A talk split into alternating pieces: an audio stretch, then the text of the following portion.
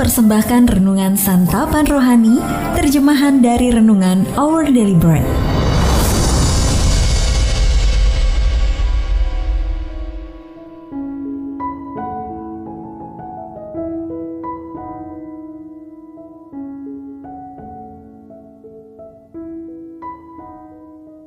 Sahabat ODB, pembacaan Alkitab hari ini terambil dari 1 Yohanes pasal yang pertama ayat yang kelima sampai dengan ayat yang ke-10.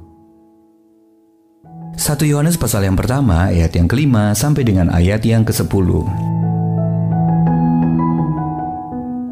Allah adalah terang. Dan inilah berita yang telah kami dengar dari Dia dan yang kami sampaikan kepada kamu. Allah adalah terang dan di dalam Dia sama sekali tidak ada kegelapan. Jika kita katakan bahwa kita beroleh persekutuan dengan Dia, namun kita hidup di dalam kegelapan, kita berdusta, dan kita tidak melakukan kebenaran.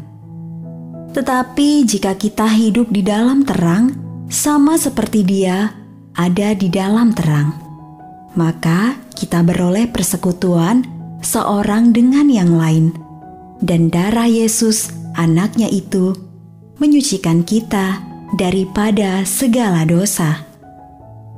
Jika kita berkata bahwa kita tidak berdosa, maka kita menipu diri kita sendiri, dan kebenaran tidak ada di dalam kita. Jika kita mengaku dosa kita, maka Ia adalah setia dan adil, sehingga Ia akan mengampuni segala dosa kita dan menyucikan kita dari segala kejahatan.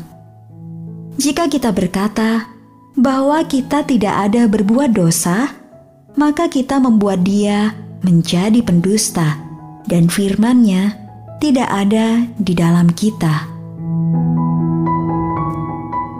Ayat Mas Renungan hari ini terambil dari 1 Yohanes pasal yang pertama ayat yang ke-9. Jika kita mengaku dosa kita, maka Ia adalah setia dan adil, sehingga Ia akan mengampuni segala dosa kita. Renungan hari ini berjudul "Tangan Allah Terbuka Lebar", ditulis oleh Jennifer Benson Shaw. Saya menatap ponsel saya dengan kening berkerut, lalu mendesah. Saya baru saja bersih tegang dengan seorang teman tentang urusan anak-anak kami dan saya sadar saya perlu meneleponnya untuk meminta maaf. Meski sebenarnya saya tidak ingin melakukannya karena masalah di antara kami belum selesai. Saya tahu saya sudah gagal bersikap baik dan rendah hati sewaktu kami mendiskusikan masalah tersebut. Sambil memikirkan waktu yang terbaik untuk menelepon, saya bertanya-tanya dalam hati. Bagaimana jika ia tidak mau memaafkan saya?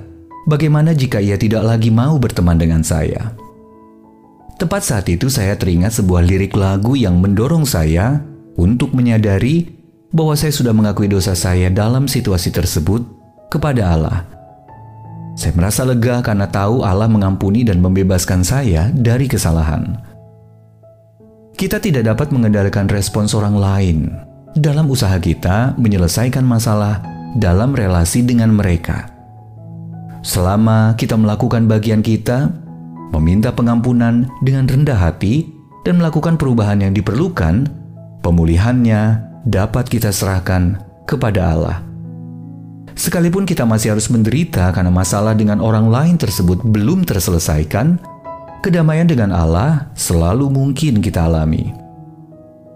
Tangan Allah terbuka lebar, dan Dia menunggu untuk menunjukkan kasih karunia dan kemurahan yang kita butuhkan. 1 Yohanes pasal yang pertama ayat 9 berkata jika kita mengaku dosa kita, maka ia adalah setia dan adil, sehingga ia akan mengampuni segala dosa kita dan menyucikan kita dari segala kejahatan.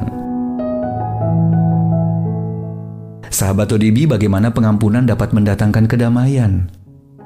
Langkah apa yang akan Anda ambil dengan kekuatan Allah untuk memperbaiki hubungan Anda dengan seseorang minggu ini? Mari kita berdoa.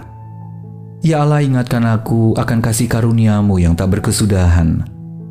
tolong aku untuk lebih rendah hati dan menyerahkan semua hubunganku dengan orang lain ke dalam tanganmu. Amin. Jika Anda ingin mendapatkan buku renungan ini dalam bahasa Indonesia, Inggris atau Mandarin, WhatsApp kami di 0878 7878 9978 atau email indonesia@odb.org. Persembahan kasih dari Anda memampukan Our Bread Ministries menjangkau orang-orang agar diubahkan. Tuhan memberkati.